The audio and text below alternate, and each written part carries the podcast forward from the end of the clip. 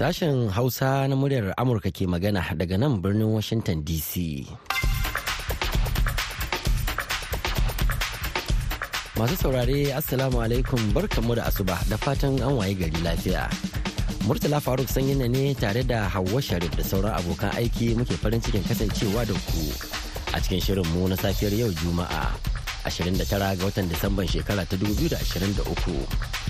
Kafin ku ji abubuwan da muke tafa da su ga Hauwa da kanun labarai. A jiya Alhamis ne hukumar idarar jama'a ta Amurka ta fitar da adadin da ya nuna cewa yawan al'ummar duniya ya karu a shekara guda da yawan mutane miliyan 75. Sojojin Ukraine sun ce dakaran Rasha sun kai makasa hari cikin dare da amfani da jirage marasa matuki. Kasashen Jamus, Birtaniya da Amurka sun yi Allah wadai da karin makamashin uranium da Iran ke samarwa mai ingancin kashi 60 daga cikin 100. Bayan labaran duniya za ku ji cewa yayin da majalisar dokokin najeriya ke shirin kammala tattaunawa kan kudurin dokar kasafin kuɗi masana na nazarin basukan da ke tattare da kasafin kuɗin da shugaban najeriya bola tinubu ya gabatar inda ya haifar da cece a majalisar dokokin. Bashi ya yi mana katutu. Wasu daga cikin bashin namu ma mun kasa biyan kuɗin ruwa. Yawancin jama'a suna ganin ana ma mutane susa ba inda yake musu kaikayi ba. A ƙasar ghana kuma mata na korafin fuskantar ƙalubale da dama da suke fatan ganin hukumomi sun mai da hankali kansu a sabuwar shekara mai kamawa ta 2024 duka ya zama kamar hukumomi ba kula da ba kai arakan mata wurin hukumomi ko assemblyman ko sarakan gari. Shi ya kawo wanga matsala. Za mu kawo muku shirin manuniya kuma kamar kowace juma'a yau ma za ku ji nasiha daga bakin malamai. To amma kafin nan sai a gyara zama domin jin labaran duniya tukunna. Jama'a Assalamu alaikum. Barkanmu da asuba. Ga labaran mai karantawa Hauwa Sharif. A jiya Alhamis ne hukumar idara jama'a ta Amurka ta fitar da adadin da ya nuna cewa yawan al'ummar duniya ya karu a shekara guda da yawan mutane da suka kai miliyan 75. Inda a ranar da za a shiga sabuwar shekara adadin mutanen a duniya zai kai sama da biliyan takwas. karuwar a duniya baki ɗaya a shekarar da ta gabata ya kasance ne a ƙasa da kashi ɗaya daga cikin ɗari yayin da a farkon shekarar 2024 hukumar idayar jama'a ta ce ana sa ran haihuwa da kashi 4.3 da mutuwa biyu a cikin kowane sakan guda a faɗin duniya.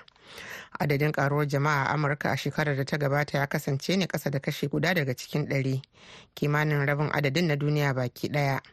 Amurka ta samu karuwar jama'a da mutane miliyan ɗaya da dubu ɗari bakwai. Inda adadin al'ummar ta zuwa sabuwar shekarar nan mai zuwa zai cimma mutane miliyan ɗari uku da talatin da biyar da dubu ɗari takwas. A jiya alhamis sojojin ukraine suka ce dakaran rasha sun kai mata hari cikin dare ta amfani da jirage marasa matuki takwas da suka kaddamar daga yankin rasha da ke kusa da kogin azov. Dakarun saman ukraine sun sanar ta kafa telegram cewa dakarun tsaron sararin samaniyar ta sun yi nasarar kakaɓo bakwai daga cikin jiragen marasa matuƙi da aka harba zuwa yankunan dipropetrovsk da krofhard da zaporoshiya ma'aikatar tsaron rasha ta faɗa a jiya alhamis cewa dakarun sun daƙile wani harin jirage marasa matuƙi biyu na ukraine da ya kai crimea. Su ma jami'an ukraine din ajiya alhamis suka ce wani jirgin ruwan dakon kaya mai tutar panama ya kai ma wani jirgin ruwan rasha karo a kogin bahar aswad lamarin da ya haddasa tashin wuta a jirgin ya kuma yi sanadiyar raunata mutane biyu.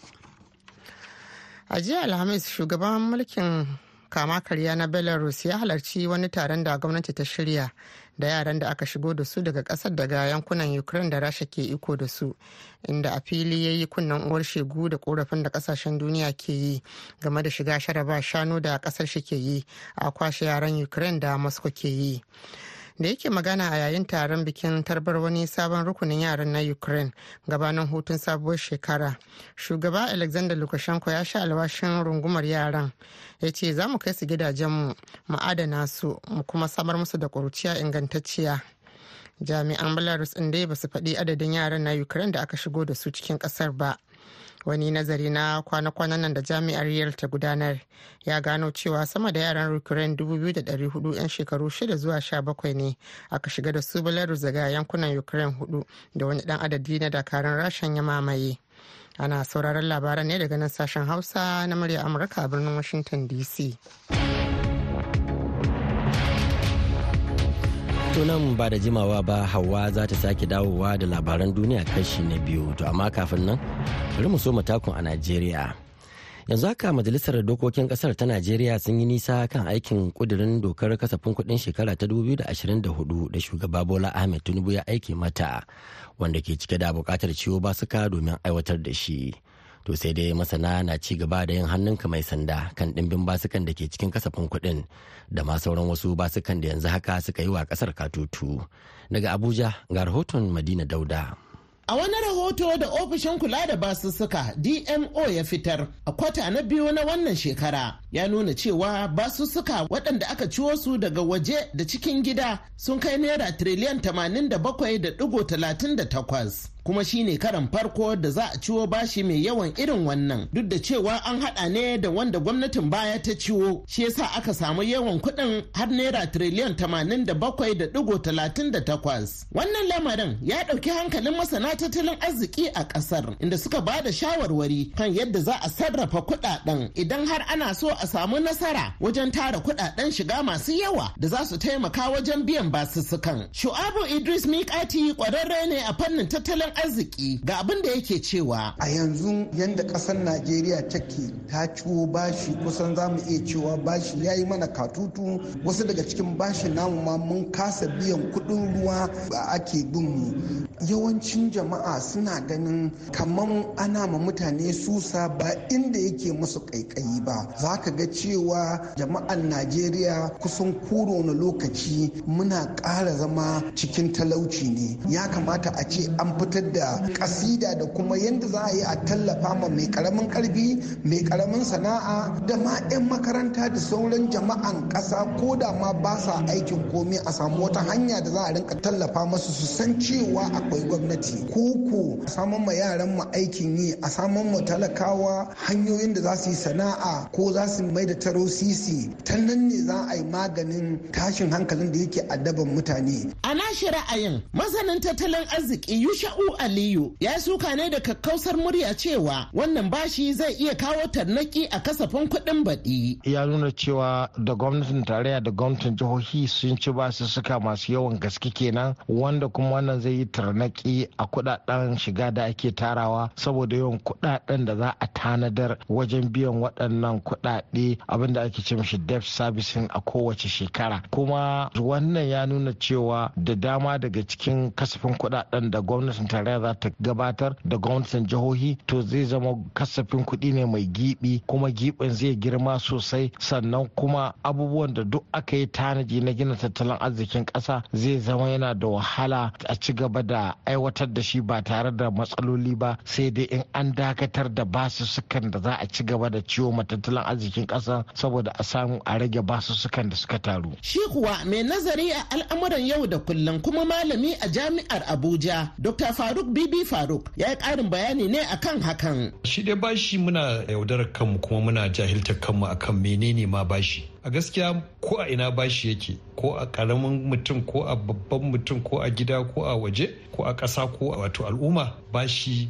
tsayawa ce ta kasuwanci. Duk wanda yake neman bashi kasuwanci ya zo ya shiga. Wato kasuwancin kala biyu ne. Wanda zai bashi bashin yana neman karuwa akan cewa da ya wannan taimakon kuma ya ba da wa'annan kuɗaɗen shi ma ya yi ne saboda wani alheri zai zo masa. Shine idan aka dawo masa da kuɗin nan za a dawo masa da ruwa har ma kuma zai iya buƙatar wata martaba da mutunci da wasu ma umarni da zai rinka bayarwa yana da dama akan wanda ya bawa bashin nan. Kowanne da mai karɓa da mai nema a bashi irin na duniya da muka sani yanzu. To irin bashin da muke karɓa a najeriya kenan. Wato shine bashin sharholiya. Abin jira a gani shine irin matakan da gwamnati za ta ɗauka wajen buɗe hanyoyin samun kuɗaɗen shiga masu ƙarfi idan har za a biya waɗannan basussuka a cikin lokacin da aka ƙayyade. Madina Dauda, muryar Amurka daga Abuja, Najeriya.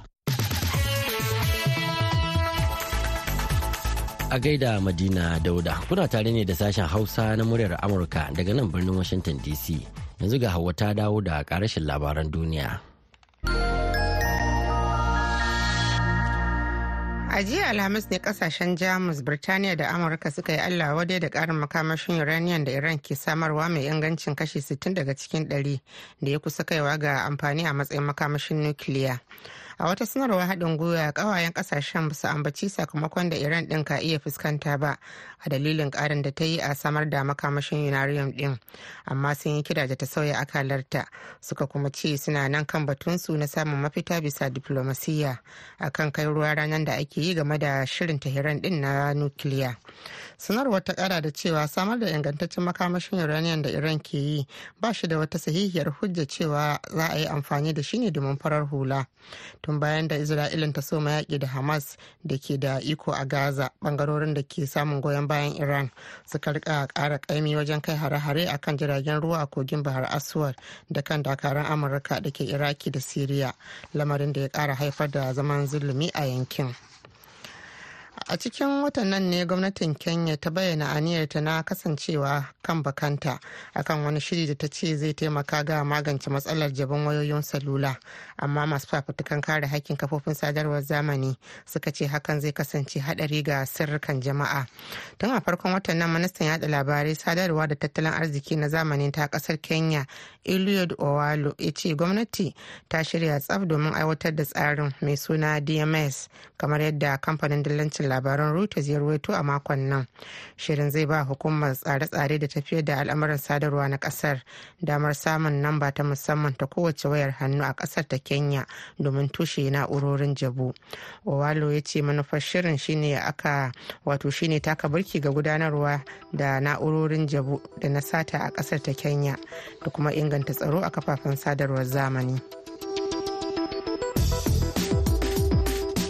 Hawa Sharif kenan aka saurara da labaran duniya daga nan sashen Hausa na muryar Amurka a Washington DC.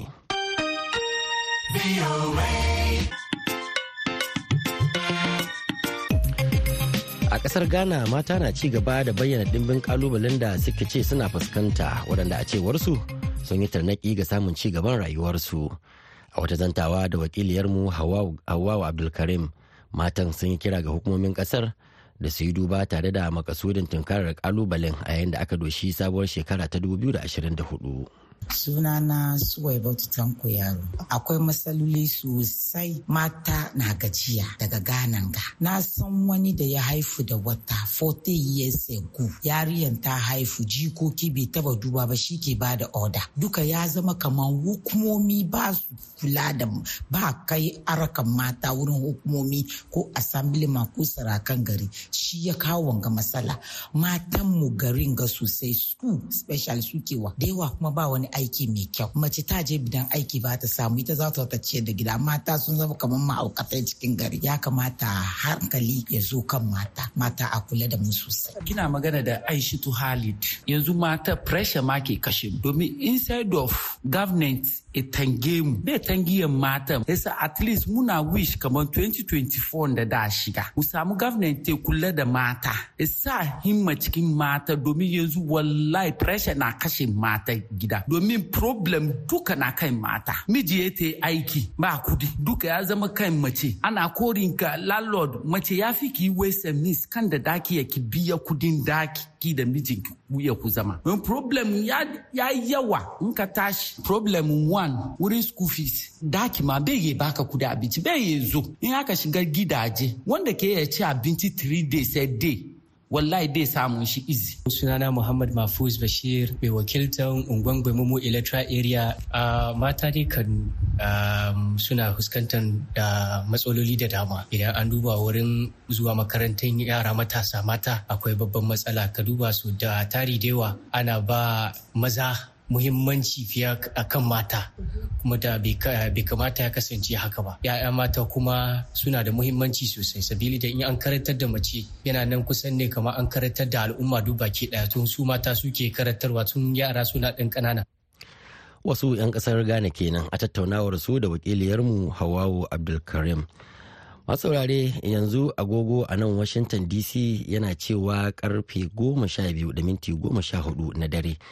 Kuma kada manta wannan shirin na zuwa muku ne daga nan birnin washington dc akan mitoci 16 25 da kuma 31 a jamhuriyar nijar za a iya sauraron mu a tashar mu ta voa africa akan mita 200.5 baya ga haka a koda yaushe ake so za a iya ziyartar shafukan mu na intanet a voahausa.com ko kuma sashen hausa.com yanzu kuma ga shirin mu na gaba.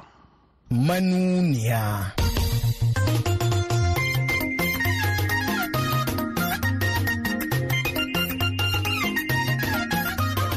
Mai tsaro waiwayen ga batutuwan da suka faru a shekarar nan da ke shirin karewa ya kai mu ga maganar murgina madudin kuɗi zuwa majalisar tarayyar Najeriya da ke cikin manyan matsalolin da aka dinga tattake guri. Ya kamata yanzu muna kasafin kuɗi na tiriliyon hamsin sittin har saba'in. Sai a ce an ɗauki mota ta miliyan ɗari da ishirin. Duk da aka cika tankinta dubu hamsin zuwa dubu saba'in an biya kuɗin albashin wurin mutane uku kenan leburori. Shi ɗan majalisa inda yake samun kuɗin shi ba wurin albashi ba ne wurin allowance ne. Ni dan majalisa ne an sa mini miliyan biyu a cikin account dina wanda kuma ba yau aka fara sa mini miliyan biyu ba. Nawa ne kuɗin nan ne ake ta wani cece kuce. Wani babban batun bugun cikin gida ma shine caccakar da mawaki rara rayuwa wanda ake ganin shi ya daga darajar shi a harkar siyasar ƙasar nan wato tsohon shugaban kasa Muhammadu Buhari. Gwamnatin da nake tsammani idan za a yi kaso gwamnatin Buhari in an zo an zuba ministoci guda goma a ce rara ɗauki biyu saboda ko ba ka so na gwamnatin Buhari zaka ce na ba da 20 ko 15% ko shi shugaban kasan bai ba 10% ba. Abin da yau buhari ba abu ne sabo ba.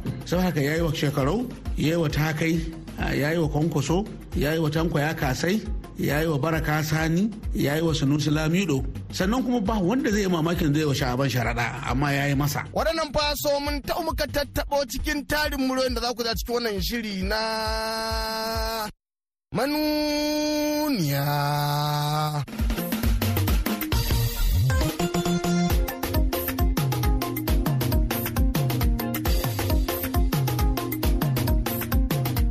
Mai sauraro Assalamu alaikum barkamu da wannan lokaci kuma sanin da sa'ar sake saduwa a cikin sabon shirin manuniyan da kan fito muku da harkar harkallar siyasa da kuma gungura harkar gwamnati don ganin komai a sarari. Shiri na ɗari da hamsin dindin kuma na ƙarshe cikin jerin waiwayen manuniyan da muka ɗaukar muku alkawari. Alkawarin kuma shi wasu 'yan Najeriya ke ganin mawaki rarara ya gaza rikewa tsohon shugaban kasa Muhammadu Buhari da wasu ke ganin ai shi ne nan ma ya kara wa rararan taurari. Maganar rararan da sauran damban dambarwar siyasa kuma na cikin batutuwan da manuniyar yau ta yi nazari. A gaya mu talaka gaskiya Buhari ya kashe kasa ya rushe kasa. Dole in zo fito magana nan. Saboda yanzu a gwamnatin Buhari kiri-kiri duk bala'in da muka yi muka gama a ƙarshen rayuwa ta kaso a ɗauka. Gwamnatin da nake tsammani idan za a yi kaso gwamnatin Buhari in an zo an zuba ministoci guda goma a ce rara ɗauki biyu in an zo an raba md a ce in goma goma ne ni ɗauki sha biyar. Saboda duk wanda ya kina ko baka so na gwamnatin bahar zaka ce na ba da 20 ko 15 ko shi shugaban kasan bai ba 10 ba. Kalaman shi dai ba su nuna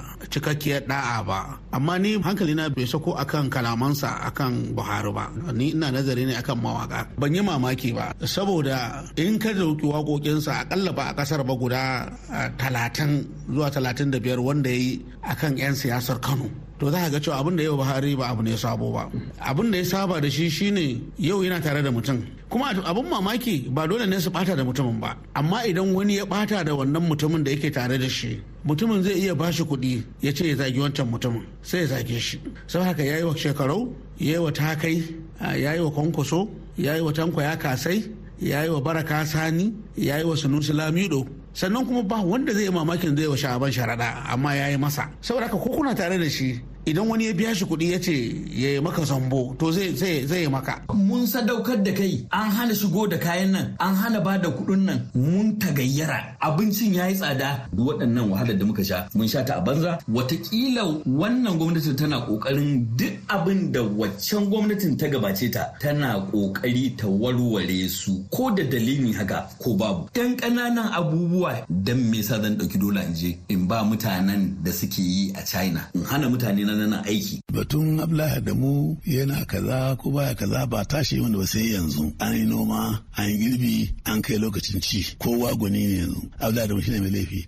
Duk abin da ya same ni na amince kuma za a yi rigima da ni a cikin shugabancin BBC ba in Allah so yarda. Allah ya bani wannan matsayi. Allah shi ya san wakafin fitana ba wani mahaluki da zai canza wannan. Yunkurin karin albashi ga 'yan majalisar ƙasa a Najeriya na cikin batutuwan da suka tada kura har ma da wani irin bakin hadari. Ke fakin iya ƙari albashinmu wani lokaci ma bai kaiwa miliyan ɗaya. Tunda kuna cire mana kuɗin mota da kuka ba mu. Kun ce kujerun da muke da shi a gidajenmu bashi kuka ba mu sai mun biya. Kun ce hayan gidaje da muka ɗauka a cikin albashinmu ne sai mun biya. Wallahi billahi lazimin a ƙarshen wata wani na samun kusan ɗari uku ne ma a albashinsa bayan an cire cire gaskiya aikin majalisa bai kamata a ce wuri ne wanda za a rinka samun kuɗi ba. Kamata ya yi a ce abu ne na sabis wakiltar jama'a. Wuri ne dai kamata a rinka yin doka. Bai kamata a ce mutum baya da sana'a sai aikin majalisa shi dan majalisa inda yake samun kuɗin shi ba wurin albashi ba ne wurin allowance ne. Ina fahimtar da 'yan najeriya cewa albashi da aka yadda ana suna samu 'yan majalisa bai kai miliyan ɗaya ba. Amma akwai abin da suke ce ma constituency ne ko operating cost ne ko wane ne? Running cost. Na 'yan majalisa? Na 'yan majalisa. Wannan mu ba daga wurinmu ba ne. Akan ce min wai dan majalisa yana karɓan ko miliyan takwas ne ko tara ne? Sanata kuma yana karɓan kamar miliyan ko goma ne ko sha ɗaya ne. Ita ma dai maganar siyan motocin 'yan majalisun ƙasa da yunkurin tsige shugaban majalisar na dattijai na cikin rigingimin cikin gidan majalisar da aka fara sittin da fari. Babu wanda aka yi na wayo kamar ɗan majalisa ɗan majalisa ma ɗan majalisar tarayya. An ce a sayi mota motar ma bashi wadda kafin na gama majalisar nan shekara huɗu sai na biya wannan bashi gaba ɗaya kafin a kyalin tafi. Kuma ana kyashin an ce kar a saya mun. Ba fa ta aka bani ba. Ala misali dan misali ya gwada minista. Ba ministan da yake da kasa da mota goma wanda take bayansa. Goma! Kuma ni dan mukami ya fi na minista. Ana magana ana terere akan a bani mota ɗaya zan yi aiki da ita. A tsige ta yaya? Me yayi da za a tsige shi? Ai sai kai laifi. Ai an ce yana faɗin abubuwan da kuka yi a sirri. Mu ba mu yi komai asiri ba. Duk abin da ya faɗa haka yake. Ah ni dan majalisa ne. An sa mini miliyan biyu a cikin account ɗina. Wanda kuma ba yau aka fara sa mini miliyan biyu ba. Nawa ne kuɗin nan ne ake ta wani cece kuce ku yan yan jarida ko kuke ta hura abun nan kaman wani abun nan. Babu wani abu da aka yi na siri ko kuma na ɓaci da zai kawo a cewa yau an cire shugaba. To ki raba triliyon 28 budget per capital wato kowane dan Najeriya. Nawa zaki samu? Ya kamata yanzu muna kasafin kuɗi na triliyon 50 triliyon 60 don me? Muna da resources din idan za mu kamanta gaskiyan da ya dace tsakaninmu muna da kuɗin muna da ma'adanan muna da komai da zai yi kasafin kuɗi na biliyan hamsin biliyan sittin har biliyan saba'in. Mai sauraro iyaka batutuwan da za mu iya waiwayen su cikin wannan shekara kenan sai dai kafin shiga sabuwar shekara muna da wani somin tabin da muka yi muku guziri. Shugaban ƙungiyar mu ta Allah Kautal Hore kuma Lami da Fulbe Alhaji Bello Abdullahi Bodeja ne daga kara lokacin da ya kai ziyarar ta'aziyya garin Tudun Biri. Irin wannan abin da ya faru a Tudun Biri abu ne wanda yake mu Fulani makiyaya a gaskiyar magana ya saba faruwa a al'amuran Fulani a dajijjika. Amma wanda ya bayyana karara abin da ya faru a tsakanin jihar Nasarawa da jihar Benue inda aka kashe irin wannan bom din ta fada ta kashe mana mutane magidanta mutum kusan arba'in da wani abu. Wa bayan wannan kuma mu fulani makiyaya irin wannan abun ɗaiɗaya yana ta faruwa da fulani a daji. Wanda ba fulatani yana kiwo ba barawo ba ne ba komai ba ne zaka tarar da cewa a irin wannan abun ya same shi sai ka ga ya rasa dabbobinsa da sauransu. Wanda suke aje a bombin ɗin gidan fulani a gama da 'ya'ya da mata da maza gaba ɗaya. Idan jami'an tsaro suna ce kuskure ne irin wannan abun amma mu fulani makiyaya a gaskiyar magana magana sai mu ce kuskuren ya yi yawa. Na taho domin in zo in ganewa ido na wannan abin da ya faru. A sai mu da mun ɗauka da cewa ainihi fulani na dajijjika ne kawai ake ce irin wannan kuskuren yake fada musu. To a sai har a kusa da gari ma mutane wanda suke maulidi ma wannan abin zai iya fada musu. To abin ne ya girgiza ni ya dame ni ƙwarai da gaske. Na taho domin jajanta ma wa'annan mutanen wannan abin da ya faru da su.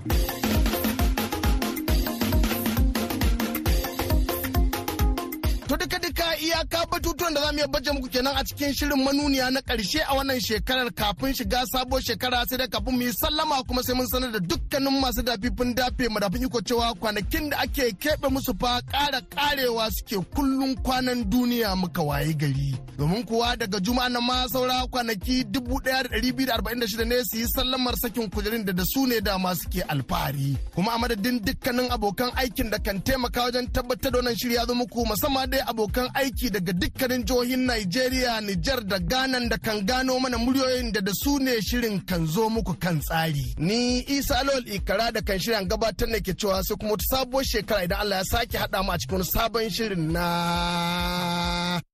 manuniya. Toma da la'a gaida na ikira kamar yadda muka alkawarta ga nasihar juma'a kan muhimmancin bin hanyoyin sulhu da sasantawa. Sunana imam dr muhammad nuraina ashifa.